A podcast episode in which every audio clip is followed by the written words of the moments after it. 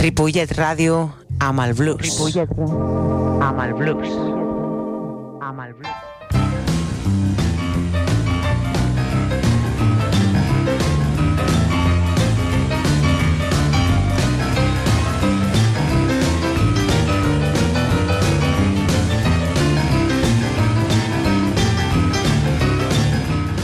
Molt bona tarda, benvinguts. Això és Blues Barrel House.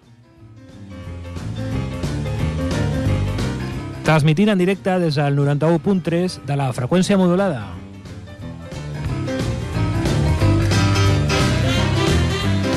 El meu nom és David Giorcelli, com sempre, tot un plaer. I al control de so tenim el senyor Marc i també el senyor Jordi Puy.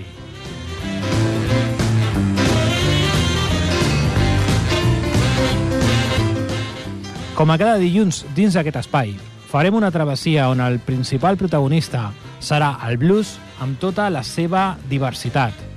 Recordem que és un gènere musical d'origen afroamericà, música d'arrel, música amb molta ànima.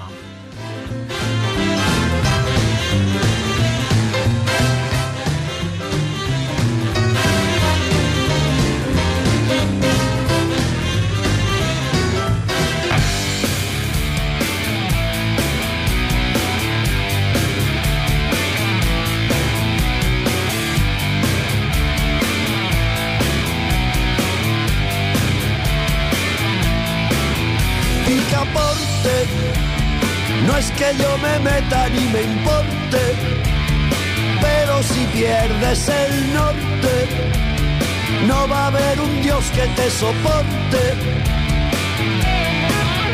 Berberecho, te pasas el día sacando pecho, debes estar satisfecho. Un hombre debe ser hecho y derecho. Bueno, bueno, damas y caballeros, hoy en nuestro programa tenemos el placer de contar con la presencia de uno de los activistas más entrañables en lo que a materia de blues se refiere en Sardañola del Vallés, aquí en Barcelona. Expropietario, ya que desgraciadamente cerró, del mítico bar La Tía Felipa, donde organizó la friolera de unos mil, mil conciertos aproximadamente, y resultándole poco el esfuerzo para dirigir un establecimiento donde no cesaban de pasar artistas de la escena blusera, no solo de Barcelona y Cataluña, sino de España y del resto del mundo, decide también crear un festival alternativo al histórico Festival de Blues de Sardañola, que lo llama Butifarran Blues. Y hasta de cuerpo presente. Pero ahí no queda la cosa. Con los años también llegó a dirigir el Festival de Blues de Sardañola, el oficial, el grande, el legendario. De ida y vuelta o sencillo. Echa a correr. que te- Señor Jacinto, muy buenas tardes, gracias por venir. Muy buenas tardes, muchas gracias por llamarme. ¿Qué tal? ¿Cómo estás? Estoy vivo, ¿La familia? la familia estupendamente, también siguen vivos. ¿Los amigos están vivos aún? Casi todos, casi todos. Desgraciadamente, casi todos. Bueno, eh, me alegro, muchas gracias por haber venido aquí a Blues Barrel House. Bueno, ya hace algunos años que nos conocemos, ¿no? Unos poquitos. unos Aproximadamente. poquitos. Sí, Yo creo que igual unos 10 o más. Yo creo que incluso no, alguno más. Yo creo que desde 2008 tal vez. Hostia. 2008. Yo creo que fue en 2008 tal vez la que cuando nos conocimos la primera vez que viniste a tocar la Felipa. Creo Vale, sí, recordar. re- me así, vagamente. Sí, sí, me acuerdo perfectamente aquel día y flipé mucho por el ambiente que había. Era un vermut, un sábado. o- Sí, Y me acuerdo que pusisteis mi apellido con H, que ponía York Kelly. Bueno, ten en cuenta que en aquellos tiempos, en aquellos tiempos los carteles de la Felipa los hacía un niño que entonces tenía, pues, si era 2008 tenía 9 o 10 años. Entonces, que era mi hijo, que era Ander. totalmente- Y entonces era, era, era, autosufi- era autosuficiente y él lo ponía como a él le parecía bien. Bueno, yo ya estoy acostumbrado igualmente por el apellido este que tengo. Además, eh, he visto casos peores, como el que dice mi amigo predicador Ramírez, ¿no? Que mi apellido es Giorcelli, que viene de Giorgeli, de George, de Jorge, y al final me acaba llamando Jorge, el cabrón. Bueno, es la derivación del lenguaje y, la, y el origen de, las palabras pues, de, libre, de, libre interpretación. Yo quiero hacer un inciso. Yo creía que me habías llamado para hablar de blues, pero claro, eh, hemos empezado eh, con Rosendo. Sí, señor. Entonces yo, si vamos a hablar de religión, eh, que también me parece bien, si la religión es esta, porque de religión o de economía, porque bueno, Rosendo es el, único mercado que te puedes fiar. Rosendo Mercado. Ah, entonces, como no hemos venido a hablar de religión, vamos a seguir hablando de lo que estaba. Ahí está. Bueno, por cierto, matizar que el señor Jacinto viene de Madrid. Sí, bueno, él Es, madrileño. Soy madrileño, aunque llevo aquí ya la friolera de 20... Bueno, desde el año 95, voy a echarle números, 25 años, 26 por ahí. Entonces, bueno, pues aquí estoy. más de la mitad de mi vida la, he pasado aquí entre Ripollet y Sardañola. Pues no, hay nada más que hablar. Si acaso vamos a escuchar un poquito de música y luego seguimos con el señor Jacinto. Eh, ¿Quieres presentar el tema que vamos a escuchar a continuación? Porque la verdad es que tiene mucho peso. El tema que vamos a, eh, vamos a escuchar a continuación, como todos los que vamos a escuchar eh, este, esta tarde, fueron grabados en su día en directo en la tía Felipa, todos en riguroso directo y este, digamos, tiene una evocación especial. Punto más emotivo. Es un punto más emotivo y es en absoluto directo Augusta Ratz al piano y Amadeu Casas a la guitarra y voz. Es un blues muy, eh, no, sencillo, sino muy, muy tranquilito, muy lleno de, bueno, en la línea de, sentimiento, en la línea de ellos. Con un feeling indiscutible. Pues no se hable más. Y bueno, la, la, particularidad es que desgraciadamente Amadeu, Amadeu Casas nos ha dejado hace, hace pues breves fechas. Pues y no podía, no podía empezar de esto de ninguna otra manera que recordando a uno de los grandes maestros del blues eh, eh, de, este, de este país, uno de los creadores y de los inventores de los Blue Messengers. Un maestro y una gran persona. Y bueno, pues eh, para nosotros una grandísima pérdida. Y ahí está. Pues vamos a escuchar a Amadeu Casas con Augusta Ratz. Thank you.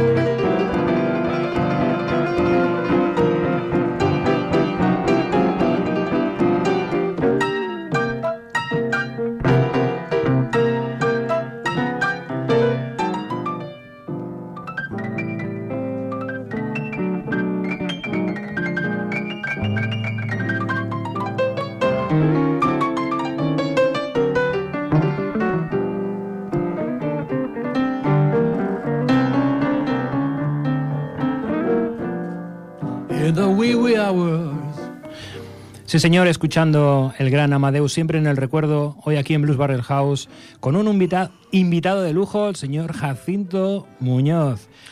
Jacinto, eh, ¿cómo nace tu afición por el blues? ¿Cómo llegas a este estilo?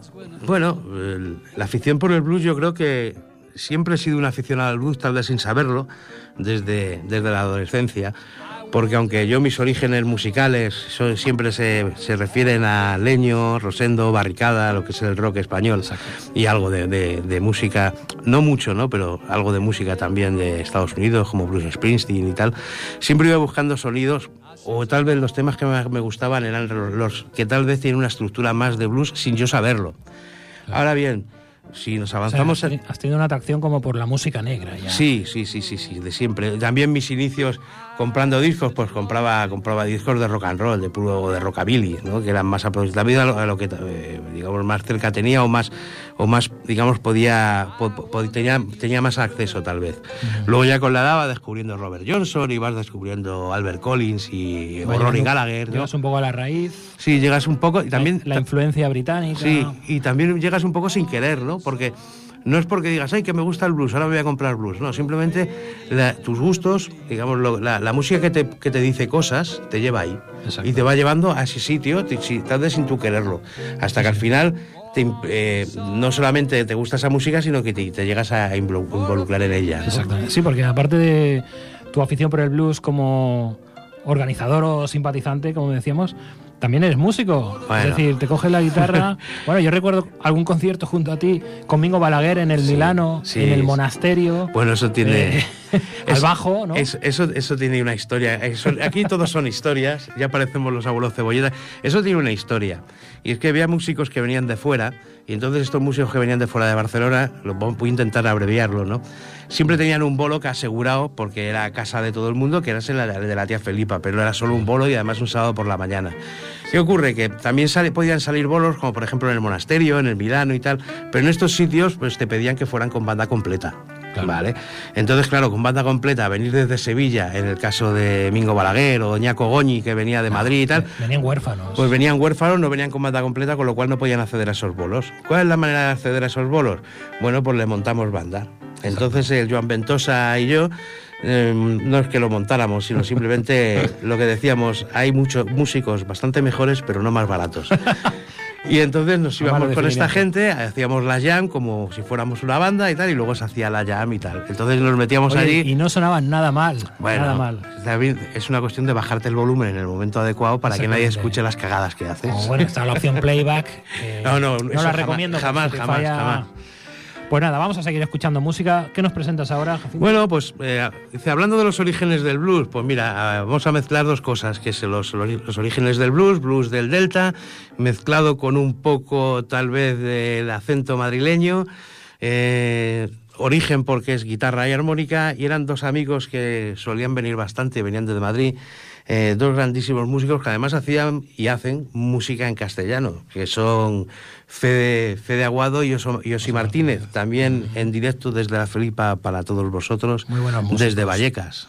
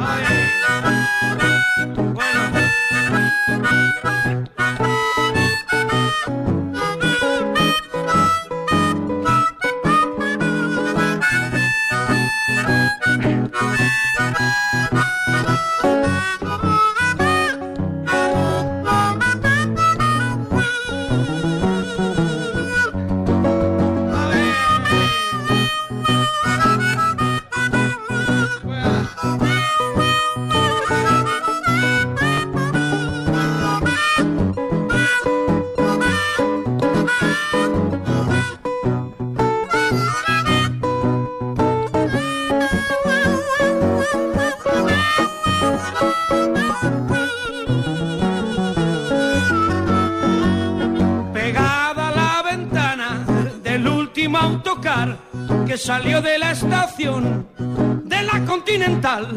Allí estabas tú. Ni en la maleta ni en el alma. Uh, te llevas parte de mí. La luz de las bombillas alumbraban el andén.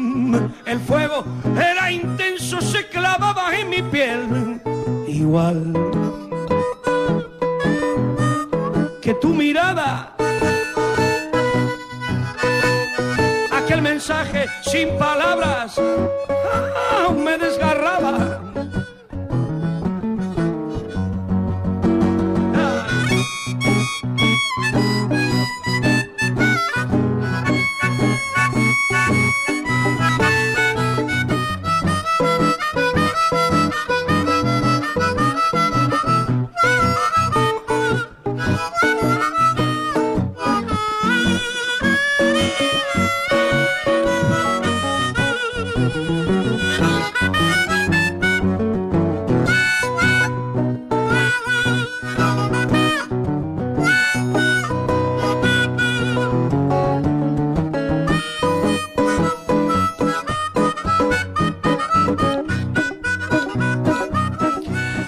Sí, señor, muy grandes, Fede Aguado y Osi Martínez.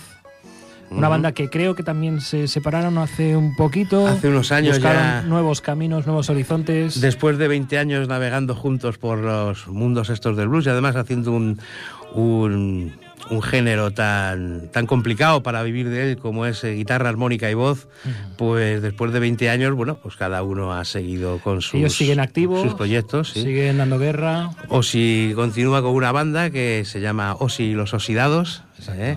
Y Fede Aguado sigue, bueno, pues con, con, con lo mismo, porque los temas eh, de Fede Aguado y Osi Martínez son todos de Fede Aguado y gran, eh, gran escritor y gran poeta, además, Fede Sí, señor. Bueno, grandes músicos de Madrid, eh, muy buenos amigos que tenemos, aparte de Osi, Fede, nuestro amigo Pablo Sampa, También, también. Beta, eh, Bueno, y si hablamos los hermanos Várez, las, la, la Whiskey Train con, con mi gran y adorado, eh, eh, bueno, Edu Manazas.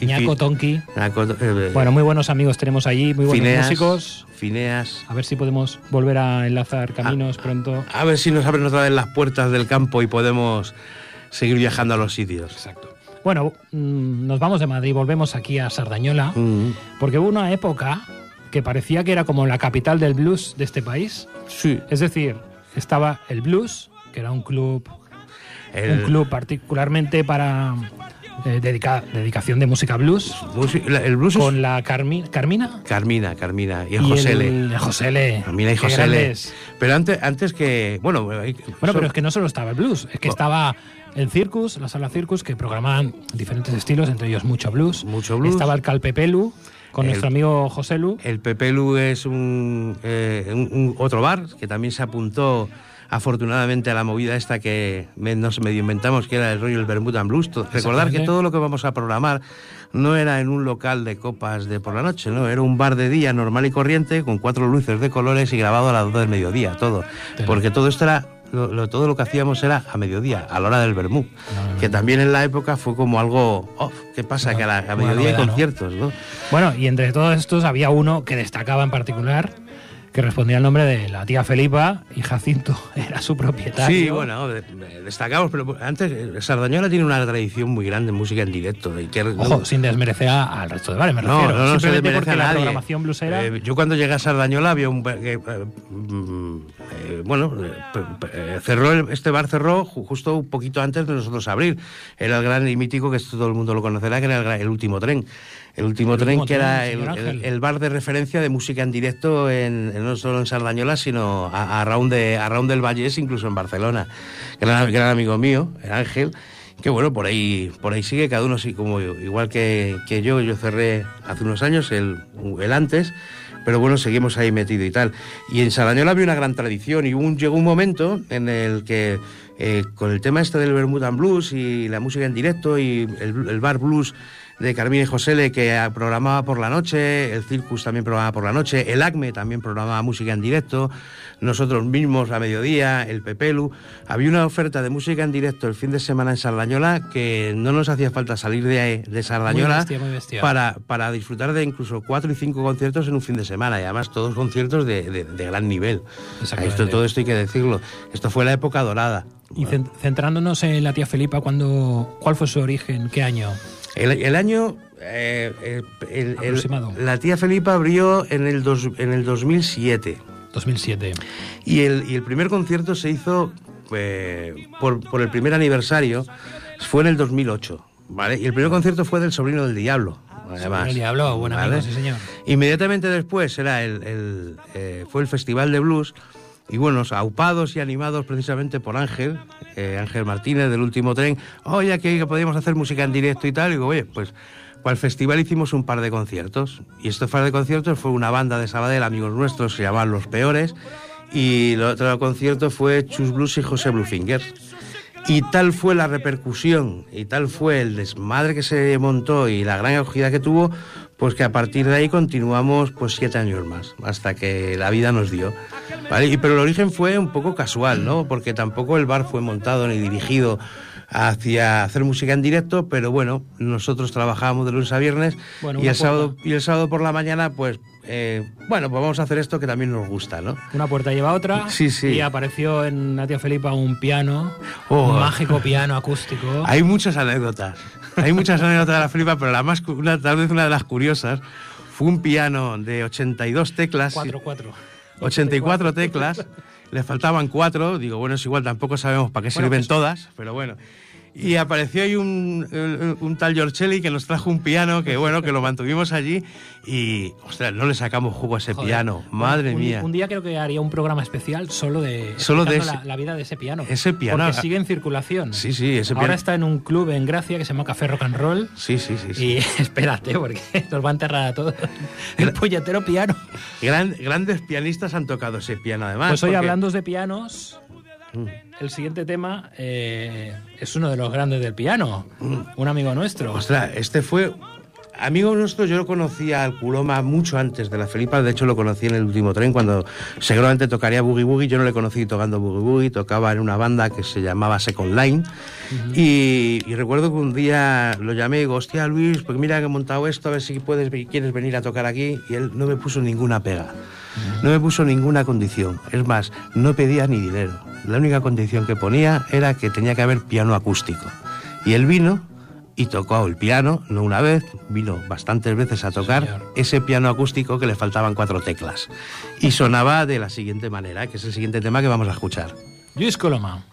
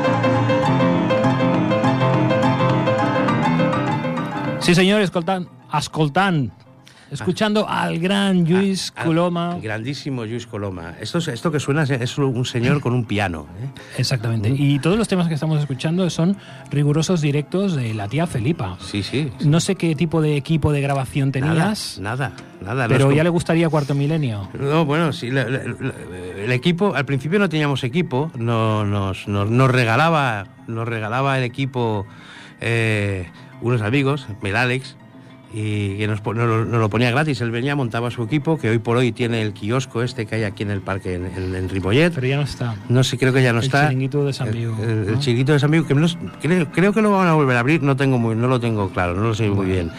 Pero bueno, el Alex nos, nos regaló, los primeros conciertos nos regaló.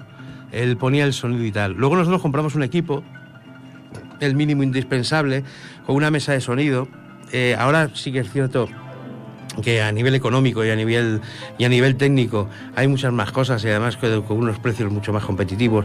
Pero en aquel tiempo, con un ordenador que era un notebook de aquellos súper pequeñitos, con una tarjeta de sonido Behringer de, de 20 euros y una mesa bueno, de 8 de ocho canales, pues conseguíamos sacar un sonido correcto y luego la grabación, no, no, supeditábamos la grabación al sonido en directo, en directo yo creo que incluso sonaba mejor que en la grabación, y bueno, pero bueno, se conseguía, se conseguía el efecto eh, adecuado, ¿no? Que un músico viniera y que estuviera a gusto tocando y al final, si tú lo que ofreces es música de calidad, que tiene una cierta calidad de audición y, luego tienes un público que eso lo agradece, pues al final la combinación es perfecta y sale. Lo de las grabaciones simplemente se hacía porque se podía hacer, no por luego ni comercializarlo ni nada, simplemente porque como se podía hacer, lo grababa e incluso llegaba luego a editar un poquito, a sonorizar, a ecualizar algo y tal, que hay muchas grabaciones que están todavía sin tocar, están como se grabaron originalmente, ¿no? Bueno, para tener un sonido decente, un poco agradable para escuchar, tampoco es imprescindible hacer una gran inversión. No. tener un poco de gracia cuando hay que ecualizar la mesa en el directo. Hay que tener unos mínimos conocimientos. Y unos músicos que realmente sepan tocar, también es importante. Eh, también es importante que los músicos sepan tocar, pero lo importante en todo esto es ponerle amor. ¿eh? porque con, con equipo, con equipo y con, con cosas bastante, digamos, eh, más peores que las que nosotros teníamos, mm. se han hecho grandes cosas. Sobre todo es, es importante tener amor por lo que haces.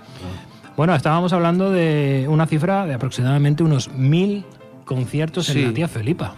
¿Alguno en concreto que recuerdes que digas, hostia, no me imaginaba que íbamos a acabar así? Muchos, pero voy a elegir uno, además lo traía, elegido de casa y no lo tengo elegido de ahora, sino que lo tengo elegido hace mucho tiempo. Y es también otra anécdota, eh, vino a tocar, bueno, se pretendía que pudiera venir a tocar a, la Felipa Mingo, el grandísimo Mingo Balaguer desde Sevilla y nos lo traía un chaval que estaba empezando, que tocaba el piano, un, aficionado. un, aficionado. y decía, oye, mira, eh, que tengo aquí un amiguete que viene de Sevilla. un sevillano. Un, sevillano que tocaba en la Caledonia Blues Band y que quiere venir a tocar aquí a la Felipa. Bueno, venga. Y entonces las cosas que pasan, esto, eh, esto resume un poco el espíritu de la tía Felipa, ¿no? Eh, viene David Giorcelli, me trae al Mingo Laguer, se apunta, eh, se apunta el Reginald Vilardel a la batería.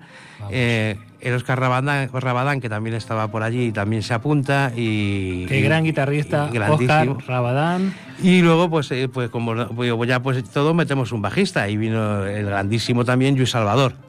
¿Vale? No vaya quinteto. teniendo en cuenta el de los niveles económicos que estábamos hablando, pues esto es un lujo, un lujo impresionante. Y luego lo bonito de este concierto, como hubo, hubo unos varios, varios más así. Lo bonito es que, claro, la Felipa no solamente venía el, público, tal, sino que también venían otros músicos de público. Y en este en concreto, pues entre los músicos que vinieron estuvo Big Monse, estuvo Chus Blues, estuvo José Bluefinger, y estuvieron varios más, y en un momento dado del, del, bolo, pues empezaron a subir y se subieron todos. Y, y, ocurrió la magia. Y la magia... Se derrumbó el edificio. Y bueno, se vino un poco abajo. Pues yo iba abajo porque aquello fue la fiesta había y por haber. Lo podemos escuchar, es el corte...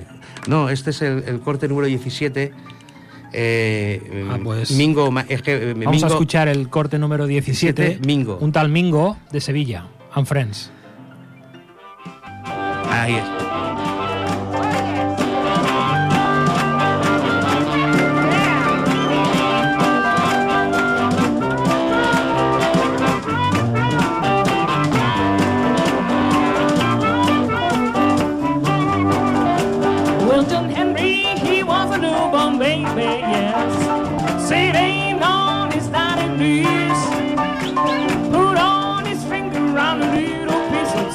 Said, it is gonna be of me. Lord, Lord, it is gonna be of me. He, he was an Uber, yeah. Said his name was Marianne. John Henry got sick and he had to go to bed. Oh, Polly, she dropped just, just like a man. Lord, Lord, Polly, she dropped just, just like a man. You got it, you got it.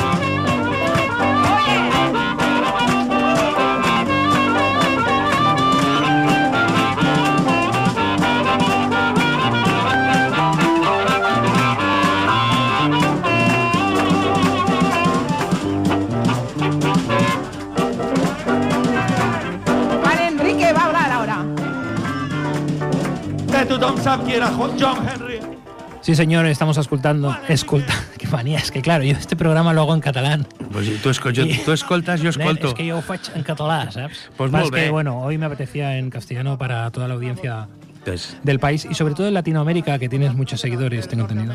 Sí, sí, sí, sí, sí. Sí, Habrá, igual hay alguno. Bueno, de hecho, mira, hay una, una chica que da clases de catalán en Buenos Aires Fíjate. que me, me escribió preguntándome por cosas de la tía Felipe y de la Big Mama. No fotis. No, te, lo, te, lo, te lo juro, cómo Hostia, es, cómo es. hostia. Y, y- y me escribió y bueno, pues le respondimos, le mandamos música de aquí de la tía Felipa, la Monse también le envió cosas y tal, y bueno, cosas curiosas, ¿no? Y bueno, como anécdotas de estas hay mil. Esta es, digamos, la penúltima que ha ocurrido, que además ha sido de este año, que me sorprendió de, de- de- de sobremanera, ¿no? Nos salió una fan en Buenos Aires. Bueno, en Buenos Aires también Sí, nos sí, conocen. pero tú... No, nos conocen en Buenos sí, Aires, loco. pero básicamente porque también tenemos amigos, amigos boludo, argentinos. eh, sí. Tenemos los boludos del Tota, el Merino y alguno más. El chino. Son todos una panda pelotudos, amigos nuestros. El gran recuerdo para ellos. Pues sí, y bueno, que- seguimos escuchando de fondo esta, esta, bueno, se- estos son Chus Blues haciendo sus cosas de Juan Enrique, John Henry. Algunos de los oyentes sabrán de lo que estamos hablando, imagino. Vamos a escuchar Pero un poquito bueno. más de esta gran fiesta. Que gana, pero al final se muere, pobre chaval. Y nada, ahora mismo Monse va a seguir cantando y lo va a arreglar. Oye. Cheers blues, cheers blues.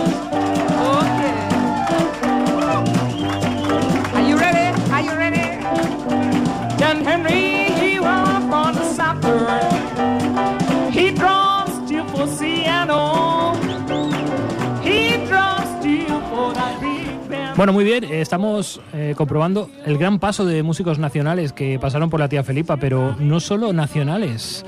Es decir, bueno, yo en particular recuerdo un concierto que trajimos a un contrabajista, Sí. señor Nicolas Dubouchet de Por su- Francia. Por supuesto. Uno dio una masterclass aquí en Barcelona también. La verdad que una eminencia del contrabajo, pero pasaron muchos artistas internacionales. Sí, además con eh, grandes artistas internacionales, todos ellos, pero recuerdo, recuerdo con especial cariño la figura de Nathan James, Nathan James, que era un amigo mío de Facebook. ¿eh? Y teníamos un amigo en común que era Víctor Puertas. ¿vale? Vale, entonces Nathan James vino a tocar al Festival de Blues de Barcelona y cuando terminó su concierto dice yo quiero tocar en la Felipa. Y dice, ¿pero por qué? Dice, porque es amigo mío del Facebook. Toma ya. Y entonces aparecieron un gran lujazo, fue tener en la tía Felipa a Nathan James y a Víctor Puertas a la armónica. Eh, de, digamos, eh, Víctor Puertas venía de artista invitado, la figura oficial de Nathan James fue uno de los grandísimos conciertos eh, internacionales y de calidad internacional de digamos, un tipo curioso porque llevaba una guitarra hecha por él eh, fabricada con una tabla de fregar ¿sabes? Vale, Además, vale, con lucecitas de Navidad. O sea, era una cosa suya, muy tal. Bueno, era un tipo, es un tipo curioso, excelentísima persona, por otro lado, y magnífico músico. Pues vamos a escucharle de su paso por la tía el Felipa. señor Nathan James.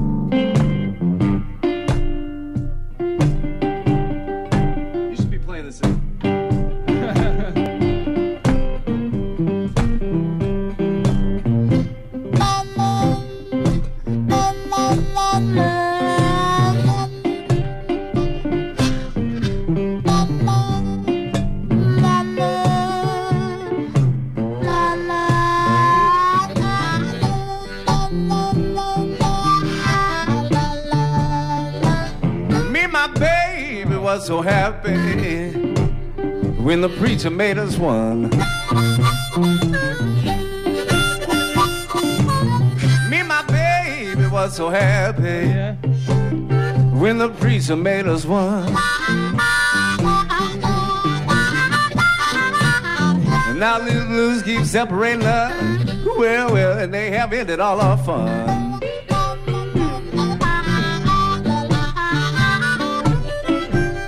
Early, early one Tuesday morning, start thinking about my baby. She's so far away.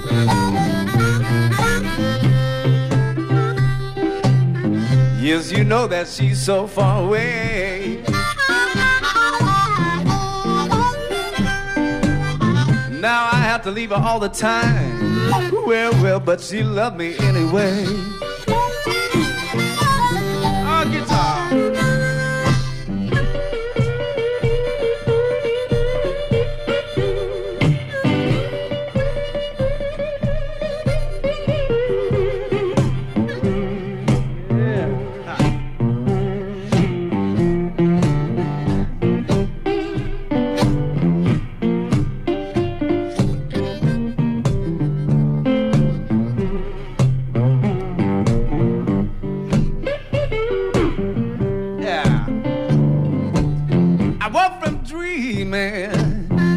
Was next to me. So soft and warm, yes, as a little girl could be. Sí, señor, escuchando el señor Nathan James, eh, blues internacional en la tía Felipa de Sardañola. A la armónica, el grandísimo y reconocido mundialmente como uno de los grandísimos intérpretes de blues a la armónica, Víctor Puertas. Víctor Puertas, la verdad que palabras mayores. Bueno, y además muy buen amigo. Sí, señor. Eh, Dentro de esto era, era muy habitual en la tía Felipa que se hicieran colaboraciones o que dentro de en un bolo cualquiera, pues bueno, venían también venían músicos a, a- a- a- de, de espectadores a ver a otros músicos tocar. Hay muchos, ¿no? Y, he elegido si- siempre desde el cariño. Les tengo cariño a muchos. No todos van a poder estar aquí porque también esto tiene un fin. Pero con especial cariño a la señora a la que fue señora presidenta de la Sociedad del Blues de Barcelona.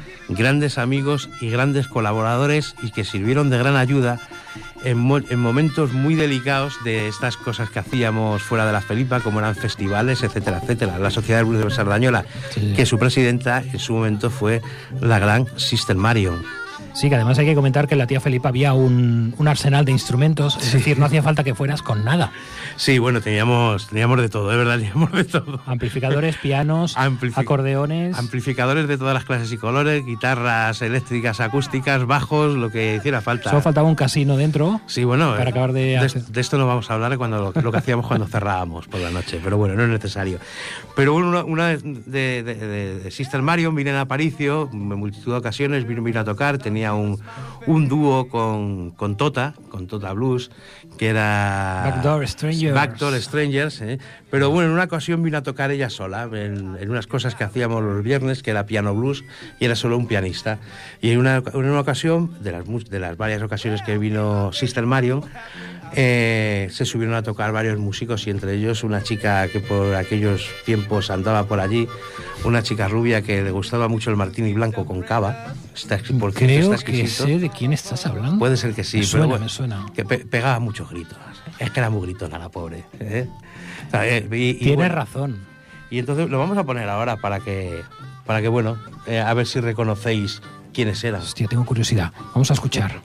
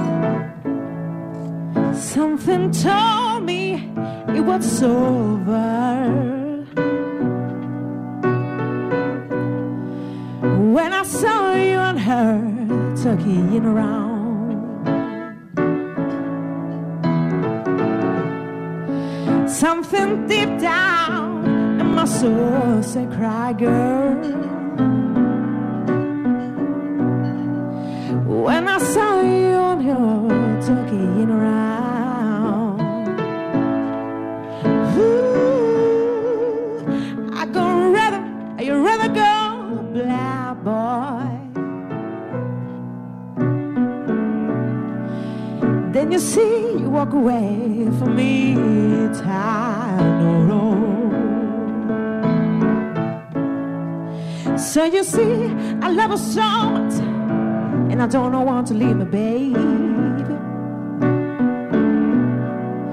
Must love, I just don't, I just don't wanna be free. Ooh, are you rather, are you rather go, blah boy? Yeah. Yeah, you see, you walk away from me.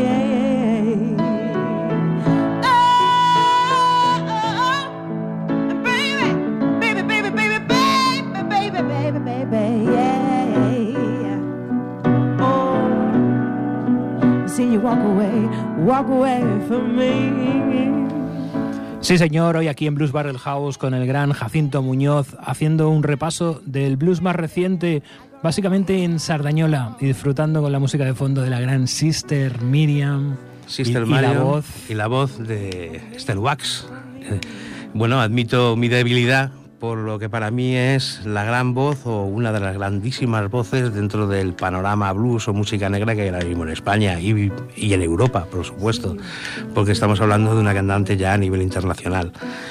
Bueno, admito mi debilidad y mi partidismo en este caso, con lo cual, bueno, me Te, te la aceptamos, soy te la aceptamos. Soy culpable. No te preocupes. Soy culpable. Estás libre de toda culpa.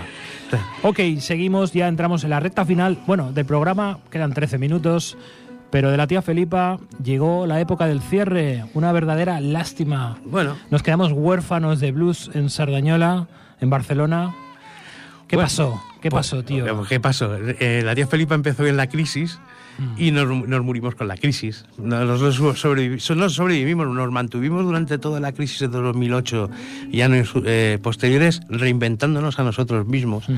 Y para reinventarnos hacíamos locuras, no, eran locuras, sino lo que se nos ocurría. Teníamos un mini festival, nos inventamos un mini festival porque dijimos, ¿cómo no, se puede hacer un festival eh, producido bajo simplemente el- el- digamos el índice privado?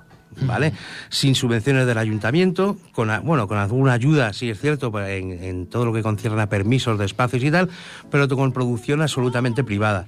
Y llegamos a hacer lo que era la Butifarra en Blues. Dos años, los dos primeros años, era, en for- era un formato muy grande. Estamos hablando de 15.000 vatios de sonido, 25.000 vatios de luces. Estamos cuando las luces no eran LED. eh, escenario grande, ocho bandas, eh, todo el día de música, etcétera. Y a partir del tercer, del tercer año, entonces, bueno, pues lo- la crisis también nos abocó a ello. No renunciábamos, no queríamos renunciar a hacer el festival y lo hacíamos en plan reducido. El equipo ya lo habíamos, habíamos comprado un equipo nosotros y lo hacíamos en plan, en plan amiguetes, 100%. De hecho, los músicos que venían eran, eran amiguetes y... y Oye, pues tienes amigos de, Tengo- de tengo- mucho peso, mucha te- calidad te- tengo y mucha trayectoria. Tengo muchos amigos a los, y, a, y- y a los que agradecer muchísimas cosas. Que ¿no? de hecho, eh, el primer Butifarran Blues, si no me equivoco, fue en el Par del Turonet, Sí, el primero y el segundo. donde se hace el festival oficial de blues, Sí, sí. legendario de toda la vida. Sí, sí, sí, sí, lo- y lo llenábamos. Y se puso a tope, incluso estuvo lloviendo, Y nos llovió los dos años. nos cayó llovió. un temporal, pero ahí se hizo. eh, Pero agu- aguantamos como campeones. Incluso llegamos a llevar, el segundo año hicimos un- una procesión, porque tenemos la tía Felipa, tenía una escultura que la hizo el señor Mañosa, Salvador Mañosa, que es el escultor de la famosa fe de Sardañola. Nos hizo una escultura de Felipa y a nosotros nos ocurrió que ponerla eh, en, en unas parihuelas y llevarlas de procesión hasta el lugar del concierto, que era en la C. Y qué mejor que para llevar a la, a la tía Felipa eh, en procesión que una pequeña banda de, de rollo Nueva Orleans delante. Toma ya. Y como también eran amigos y tocaban en la Felipa, en varias ocasiones con nosotros estuvieron casi el mejor trío de tu vida. Toma ¿Qué, ya. qué es lo que vamos a escuchar a Pues vamos a escuchar el mejor. No, casi, Casi, casi, casi. el mejor trío de tu vida.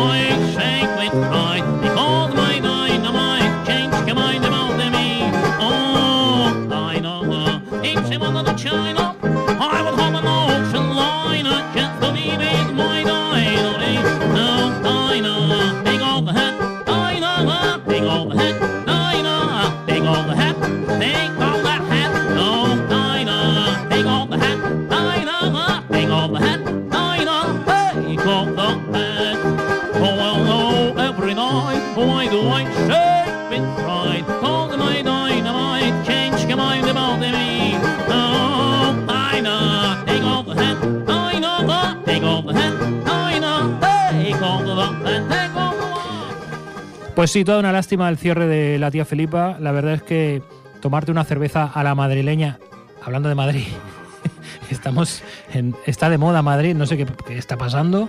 Bueno, es decir, está el COVID, Madrid, eh, Ayuso, Está Pablo Iglesias, sí, es muy bonito. Está Vox, la taberna la que la Ba- estáis liando. Está la taberna La Banda en la calle Miguel Servet, que todos los sábados a mediodía la Sociedad del Blues de Madrid hace un concierto y una llana a la que todos podéis asistir. Pues oye, Eh, todos los que vayan a Madrid no tienen A la, que, excusa. a la que nos abran las puertas podemos ir allí. Bueno, pues como decía, una lástima el cierre de la tía Felipa, pero yo en particular echo de menos una persona, es decir, puedo echar de menos la cerveza, puedo echar de menos la música, el trato, todos los amigos que allí habían, pero lo que echo de menos son las migas que traía Mila. Eso no tiene precio. Un, una amiga y un grandísimo personaje que desgraciadamente también nos dejó hace ya unos años. Y bueno, era una de las almas mater de una amiga nuestra, riojana, con carácter para dar y vender, y que todos los sábados nos traía algo de comer. Casi siempre migas de conchitorra de su pueblo. De ¿eh? su pueblo ahí, de con autor. esa voz de mujer. Una gran- auténtica. Recuerdo cuando veía al Reggie y le decía, Reggie, tómate un cacharro, coño. Cacharro. grande, grande. Pues sí, Mila. se echa de menos. Y bueno, saltamos directamente. Tuviste la oportunidad de organizar el oficial festival, Sí. el legendario, el que lleva más años que la puerta. Sí, bueno, era un, fue un mo- era un momento de, de- como sabemos todos, había crisis, era, Transición, tal vez. era lo que hubiera, lo que tenía que ser el 25, la 25 edición del Festival de Blues de Sardañola y no estaba muy claro que se fuera a celebrar. Entonces nosotros desde nuestra humildad y nuestra pequeñez de recursos que teníamos, pues hicimos una propuesta y un proyecto que presentamos en el ayuntamiento y puesto que los fondos ya estaban, había un acuerdo de gobierno en los cuales estaban en el presupuesto, pues al final hicimos un festival para nosotros bien hecho y lo hicimos desde todo el cariño, todo el amor, en el cual eh, probablemente hicimos el mayor número de conciertos que se ha hecho nunca en un festival de blues de Sardañola, porque hicimos más de 30 conciertos, todos gratis y en la calle. Claro, es que cuando hablamos del festival no solo hablamos del escenario grande. Sí, o los sí, lugares, estamos hablando de toda la restauración, los bares, la actividad que hay en las plazas, en Sardañola. Era una fiesta del blues. Sí, aparte de incentivar toda la, la participación de todos los bares y todo el que quisiera hacer un concierto, que hay que re- siempre en Sardañola los bares han programado con su propio dinero y con su propio esfuerzo muchos de los conciertos del festival. Nosotros, aparte de incentivar, por supuesto, incentivar esto, nosotros in- intentamos llevar eh, en, escena- en escenarios, en plazas y en sitios nuevos donde nunca se había hecho eh, nada en Sardañola, en el anfiteatro de Can Serraparera, que era, es el gran desconocido, tenemos un anfiteatro maravilloso para hacer música y tal. En la puerta de la estación pusimos al chino en plan músico callejero, trajimos al, al, al mejor, casi el mejor tío de tu vida, que estuvieron tocando por las calles de Sardañola todo un sábado por la mañana, etcétera. Intentamos a la calle. vez. Bob Margolin vino, esa fue la gran estrella, la estrella americana. Muddy y tal. Waters, guitar player. Bueno, eh, fuimos, éramos una, no era yo solo, éramos un grupo de amigos amplio, eh, que bueno, no, no lo curramos para poder sacar adelante un festival de blues que en aquellos momentos, debido a la crisis, no estaba muy claro que se fuera a realizar. Y lo hicimos. Y básicamente nos lo pasamos muy bien. Pues enhorabuena por tus éxitos. Bueno, Jacinto, eh, se nos acaba el tiempo. Vaya, ya se Hemos llegado al final del programa, se nos ha quedado corto. ¿Y por qué no te dan dos horas aquí en Radio Ripollet? Mm, No sé, porque les pasé el caché y no lo aceptaron. Si total por el mismo precio. ¿No? Sí, no, la verdad es que me traen otra botella de estas de Valentine que tenemos aquí. No, yo con la- y con- nos quedamos Con la mitad del catering. toque de queda, ¿eh? Yo con el- me quedo con el salmón y con el caviar, lo demás os lo podéis llevar. ¿eh? Los berberechos déjamelos a mí, por favor. Bueno, Jacinto. Esto de Radio Ripollet es la hostia, ¿eh? es un eh, todo medio. Espera, espera, a mí me rectificaron el primer día. Ripollet Radio. Ah, Ripo- no Radio Ripollet. Ripollet Radio. A ver qué pasa, Radio. chaval, chaval, que te metes. bueno, pues, eh, Jacinto, muchas gracias por venir. Espero que se acabe ya la pesadilla esta del COVID, que nos vacunen a todos si hace falta, que recuperemos la cultura Muddy como Waters te Dios manda, eh, que la gente se le quite el miedo ya de salir Sí. y volver a recuperar nuestras vidas, disfrutar sobre todo de la música en vivo, que tanto nos hace falta. Sí. Menos bermuds y más conciertos por la noche hasta altas horas de la madrugada. Y O por la mañana, que también vale. ¿eh? Podéis disfrutar de la música Bueno, en directo, si es after. incluso aunque no sea blues. ¿eh? Jacinto, muchas gracias por venir. Muy, muchas de nada. Espero que vuelvas Gracias pronto. Cuando queráis. Muchas gracias, Marc. Muchas gracias, Jordi Puy. Mi nombre es David Giorcelli. Para despedirnos, para despedirnos te voy a dejar que, de- que presentes al gran artistazo que es Julio Lobos. Oh, es el otro de los grandes que pasó y que eh, en nuestra vida. El gran Julio Lobo, gran pianista, larguísimo recorrido en la historia de la música de este país. Pero en esta ocasión vais a escuchar a un Julio Lobos sin piano. Porque Mississippi Waters. no traía piano porque tenía mal una mano. Tendinitis. Pero fue capaz de montar junto a, al Pastu y a un guitarra que ahora mismo no sé, no recuerdo el nombre porque el, el Alzheimer ya está aquí ¿Robert? en ciernes. El Robert, Robert, Robert Revolver. Robert Revolver. Montaron esto que vais a escuchar ahora, que es una absoluta maravilla.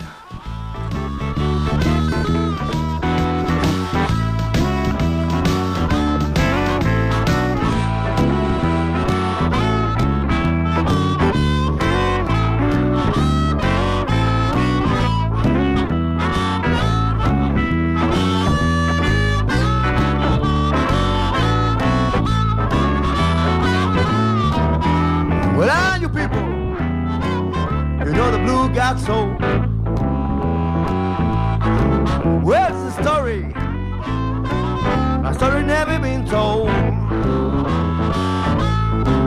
Well, the blues had a baby, and then the baby rock and roll. Well, James Brown said, you know the blue got soul. Well, Ray Charles said, you know the blue got soul. Well, the blues had a baby, baby rock and roll.